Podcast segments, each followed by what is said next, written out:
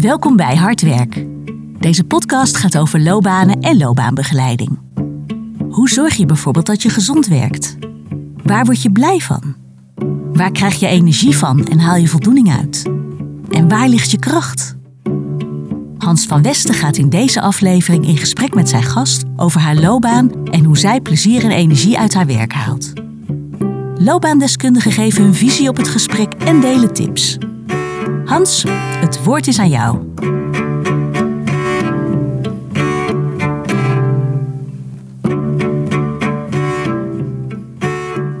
In de serie Hardwerk praten we vandaag met Yvette Brinkman. Yvette heeft een verhaal te vertellen. Ze is loopbaanadviseur bij de gemeente Haarlemmermeer, maar dat is lang niet altijd geweest.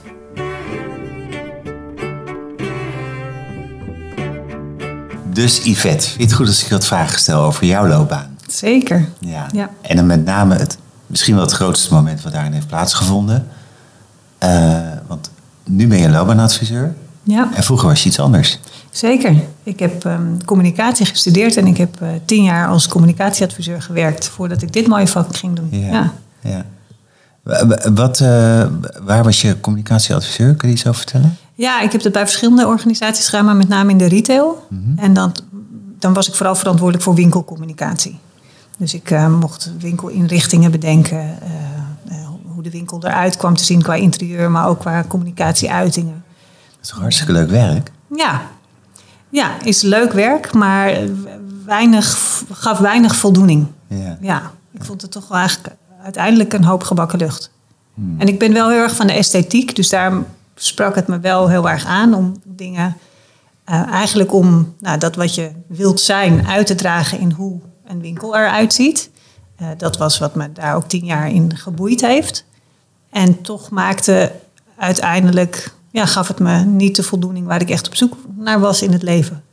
Ik vind dat moeilijk te begrijpen. Want eh, zeg maar, dan- bedenk je een winkel hè, of een concept of eh, weet Ja. wat. Ja, daar kan je naartoe. En dan zie je de winkel die jij hebt bedacht. Ja. Dat lijkt me, ja, voor mensen die dat niet doen, is dat heel stoer. Ja, maar dat is ook wel echt heel cool hoor. Ja. En een van de winkels zat bij mij om de hoek, dus die kon ik iedere dag zien. En dat is wel heel leuk als je er langs loopt en denkt van, oh, hoe dit eruit ziet, dat heb ik bedacht. En ik vond dat het er ook heel mooi uitzag. Wel in combinatie met een, eh, met een. Ja, dat is heel leuk dat je ziet wat je gemaakt hebt en wat je bedacht hebt, wat er in je hoofd zat, wat dan uiteindelijk tot uiting komt in iets tastbaars. Dat is heel tof. Ja. Ja. Wat voor opleiding moet je daarvoor hebben? Om dat te kunnen doen? Nou, ik heb communicatie gestudeerd, maar dat, eigenlijk heette dat Corporate Communications. En dat was een, een combinatie van marketing, vormgeving en communicatie. Ja. En die combinatie maakt dat je ja, opgeleid wordt eigenlijk om na te denken over conceptuele, eh, ehm, ja, over concepten. En dat uit te werken in nou, daadwerkelijke uitingsvormen. Ja. En ehm, dat conceptmatig denken, dat heb ik daar heel erg geleerd. En dat neem ik eigenlijk nog steeds mee, ook in mijn huidige werk. Is het, eh, misschien is het geheim, mag je niet antwoorden. Maar wat is zeg maar, het concept of de winkel waar je het meest trots op eh, was? Kun je dat zeggen? Ehm, ja, het, het, het meest trots was ik denk ik op de winkels waar ik ooit mee begonnen ben in mijn afstudeeropdracht. Omdat dat, toen was ik nog zo'n broekie en mocht ik gewoon een winkelconcept bedenken. Ja. Dat was wel heel stoer. Dat was mijn afstudeeropdracht en uiteindelijk heb ik daar 2,5 jaar gewerkt en zijn er zes winkels geopend. Ja. En dat was voor een retailketen, een schoenwinkelketen van Haren. Ja. En die ehm, had op een aantal hele goede locaties veel te kleine pandjes voor het Van Haren concept. En daar mocht iets nieuws voor bedacht worden. En dat mocht ik mede doen. Ja, Ja, dat is geweldig. mooi. Ja. ja, gaaf. Ja. Ja. En toch op een gegeven moment begon het te knagen. ja. Ja, wat was dat? Ehm, ja, ik, ik, ik, ik vind dus esthetiek heel leuk. En daar mocht ik eh, iedere dag mee bezig zijn. Ehm, maar wat ik merkte in, eh, in de laatste jaren dat ik dat deed... was dat ik eigenlijk veel meer met mijn, geïnteresseerd was in mijn collega's... en wat zij deden. ehm, dan dat ik echt nog heel erg geïnteresseerd was in mijn eigen werk. En we zaten in eh, nou, de laatste baan die ik daarin deed, daar werd gereorganiseerd. En eigenlijk van nature kwamen mijn collega's bij mij om te vragen van... Goh, waar zal ik op gaan solliciteren? Of wat doet deze ehm, reorganisatie met mijn werk en wat betekent dat voor mijn werk en hoe kijk ik daarnaar. En mensen kwamen daarover met mij aan de praat en dat vond ik zo leuk dat ik dacht, daar wil ik meer mee. Dat vind ik eigenlijk leuker om dat conceptuele denken met mensen te doen dan met spullen, Ja, ja. met stenen. Ja. En toen heb ik nog even gedacht van misschien moet ik eh, aan de werving- en selectiekant eh, zitten. Maar ik wilde dat nog een stapje verder doorvoeren. En toen heb ik de opleiding tot loopbaancoach gekozen. ja, dat verzin je niet zomaar. Toch? Nee, dat, dat kwam denk ik omdat ik ehm, in die hele communicatietijd van tien jaar heb ik vier verschillende werkgevers gehad. En daarin zelf ook veel met werving- en selectiebureaus aan tafel gezeten. En heel vaak gedacht dat wat jij nu met mij doet, dat praten over wat ik wil en waar ik naartoe wil. En ehm, met mij kijken naar mijn toekomstambities. Ja, dat vind ik heel leuk om dat soort gesprekken te voeren. Dus toen ben ik gaan denken over in wat voor soort rollen vind ik dat nou terug. En ook wel overwogen om misschien nog een HRM-opleiding te doen. En al met al dacht ik, nou ja, voor mij zit de kern heel erg in het geïnteresseerd zijn in wat iemand wil. En kijken of ik iemand daarmee kan verder helpen. En in dat HRM-vlak wat dingen onderzocht. En toen bedacht, nou, het moet, het moet loopbaancoaching worden. Nu, nu, zit, nu zeggen wij wel eens van in het, in het brede pakket van alle soorten coaches die, eh, die in de markt aanwezig zijn, is loopbaancoaching misschien wel de meest concrete vorm van coach zijn die er is. Ja, misschien is het niet eens coach zijn, maar meer een soort adviseur zijn. Ja, ja dat, dat mag je ook zeggen, dat snap ik. Want jij herkent dat wel. Ja, Ja. ja. Hoe, eh, hoe pittig was die opleiding voor jou? Nou, niet, want ik vond het één groot feest. Ja? Ik vond het fantastisch, ja. Ik koos destijds voor een eh, een, een, een, eh, een één-op-één opleiding. Ehm, ik heb toen gekeken bij eh, Hogendijk. Dat sprak me ontzettend aan. Maar ik was ook zwanger en ik kon die opleiding niet in de tijd afmaken die daarvoor was. En ik wilde per se toen een opleiding doen. Dus toen heb ik bij een afsplitsing van Hogendijk een, een individueel opleidingstraject gevolgd. Ja, en het was echt één feest. Ik dacht alleen maar, oh, dit is leuk en dit is nog leuker. Ja. Ehm, ja, dus ik. En, en, en wat ik heel leuk vond, is in die tijd dat ik dat deed, werkte ik voor Jolt. ehm, als interim professional, maar wel dus in de arbeidsbemiddeling eigenlijk. En dat sloot zo mooi op elkaar aan dat je voor een arbeidsbemiddelaar werkt en met loopbaancoaching aan de slag wil. Dat ligt zo mooi in elkaars verlengde Ja. dat ik me daar heel eh senang in voelde meteen.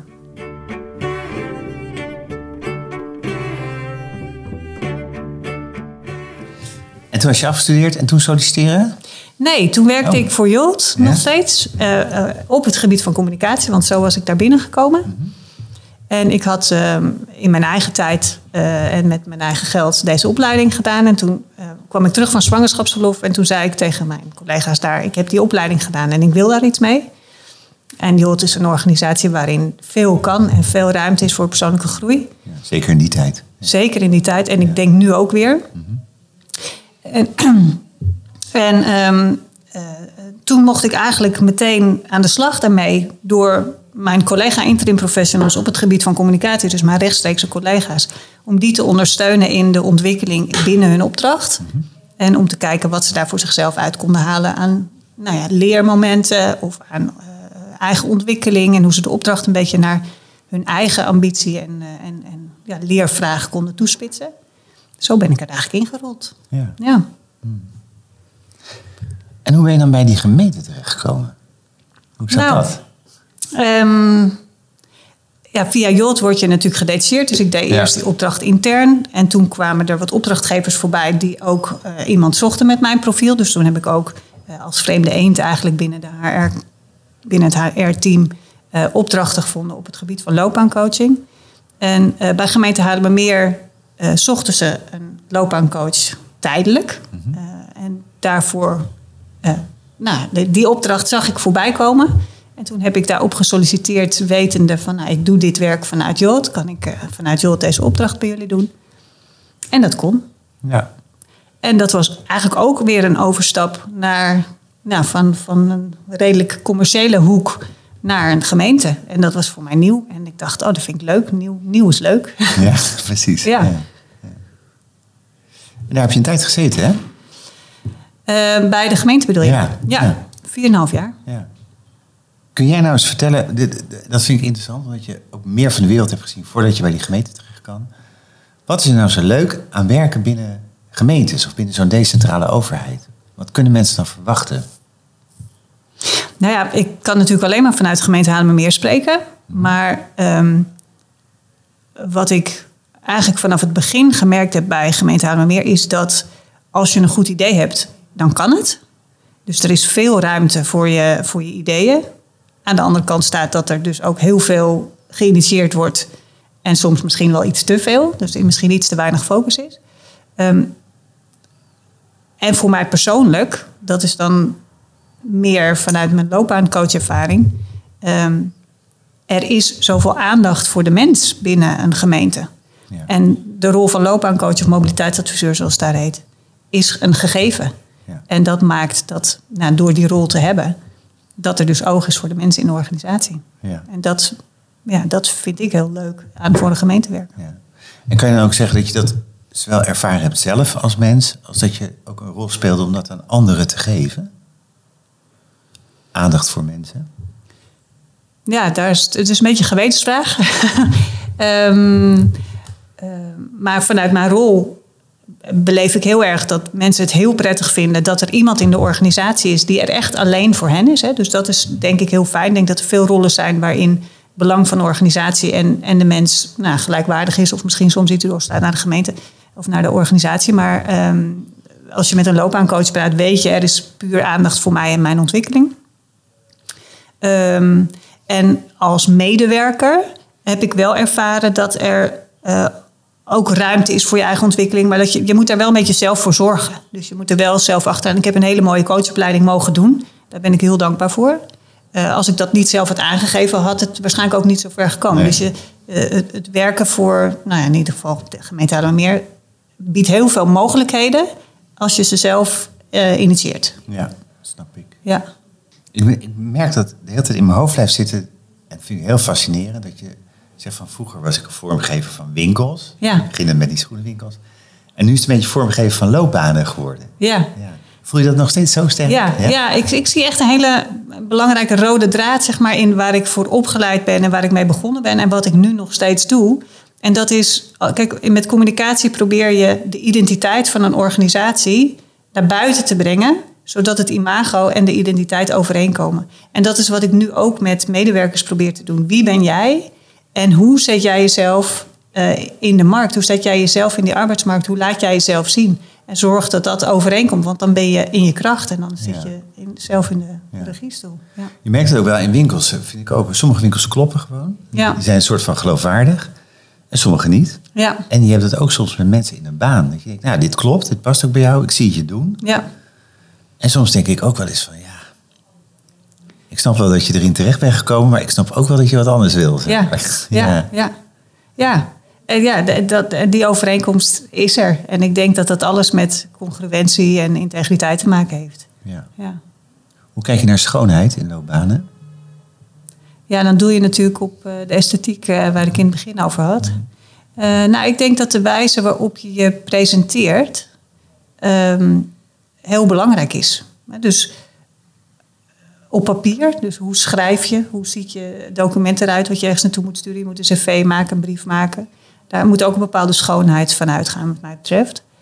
Ehm, en, ehm, en natuurlijk ook in hoe je jezelf presenteert. Hoe je Ja. zelf bij zit als je een gesprek voert. En dat gaat niet over wat voor kleren heb je aan of hoe, hoe, hoe, hoe goed zit je haar. Ehm, maar wel over hoe, wat is je houding en wat straal je uit. Ja, En in die zin is esthetiek denk ik ook hier in dit vak heel belangrijk. ja. Mooi. Goed verhaal. Ja. Dankjewel Jij voor het delen. Oké. U luisterde naar een interview met Yvette Brinkman. We hebben Marja Pronk gevraagd hierop haar reactie te geven. Marja heeft haar eigen coachpraktijk en is als docent en supervisor verbonden aan Vistanova. Goedemiddag Marja. Hi Dorien. Jij hebt zojuist naar het interview met Yvette geluisterd. Zijn jij daar nog dingen in opgevallen? Dingen die jij ons mee zou willen geven? Ja, zeker. Ehm, nou, het eerste wat ik, wat ik eigenlijk mee zou willen geven is uh, wat Yvette ook heeft gedaan en een aantal keer benadrukt, is onderzoek waar jij gelukkig van wordt. Um, en wat, wat zij aangeeft is uh, hè, dat ze echt wel in haar werk heeft gekeken van wat, wat vind ik hierin nou wel leuk en wat vind ik niet leuk. En met datgene wat ze wel leuk vond, daarvan is gaan kijken in welke rollen, dat zegt ze volgens mij ook letterlijk op een gegeven moment, in welke rollen vind ik dat nou terug. En hè, wat ik daaraan toe zou willen voegen, en ik denk dat Yvette dat ook wel heeft gedaan, is ga vervolgens in gesprek, onderzoek hè, en welke stappen heb je te zetten om, om, dat dan, uh, om daar dan te komen. En uh, dus blijf niet zitten als je niet helemaal lekker bent, maar onderzoek. En uh, kijk wel, wat wel en wat niet. En nou, een werkgever van mij die zei ooit tegen mij van ja, Marja, maar wat jij wil, dat zijn hier echt de krenten uit de pap. En uh, ja, vervolgens heb ik zelf gedacht, oké, dan ga ik iets zoeken waar meer krenten in zitten. ja. En uh, ja, op die manier de stappen te zetten.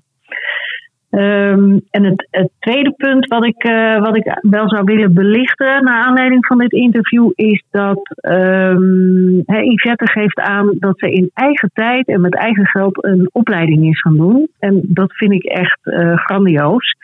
Uh, ik merk veel uh, coaches die, die blijven daar een beetje op hangen. Hè. Die zitten eigenlijk te wachten op de werkgever om een opleiding, uh, hun opleiding te bepalen, betalen. En als die, die dat niet doet, dan blijft dat zo'n soort van hiccup, zo'n drempel om dat te doen. Um, en ja, mijn, mijn mening is, dan stel je je eigenlijk heel afhankelijk op van die werkgever. Ja.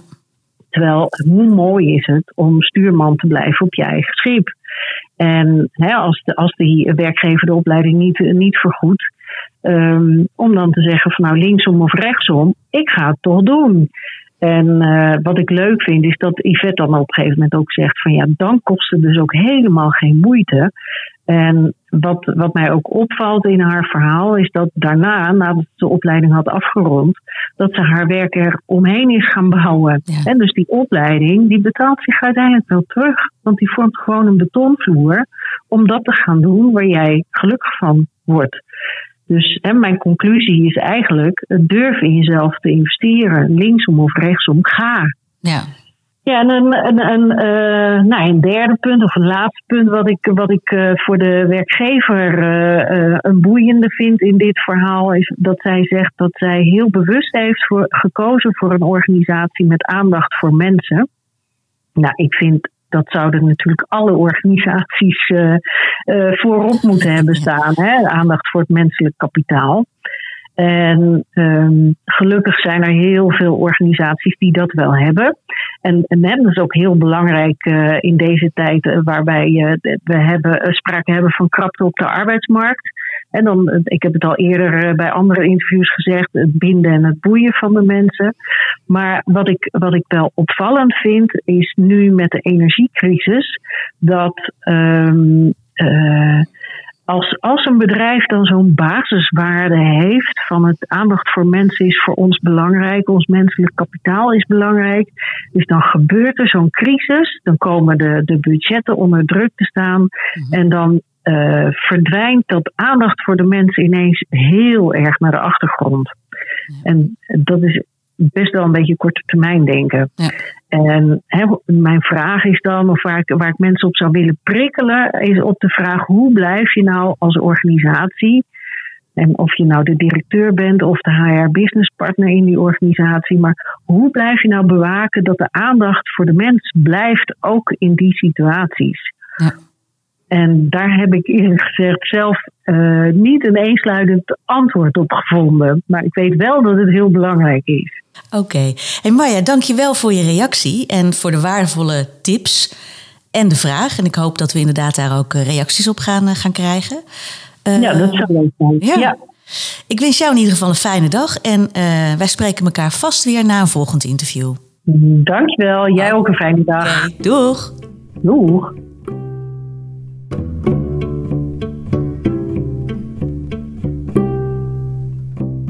Dank je voor het luisteren naar Hard Werk, een serie van Gradesgroep in samenwerking met Vista Nova. Heb je naar aanleiding van deze aflevering vragen? Neem gerust contact met ons op. Wil je graag meer horen? Abonneer je dan op deze serie. Tot de volgende aflevering.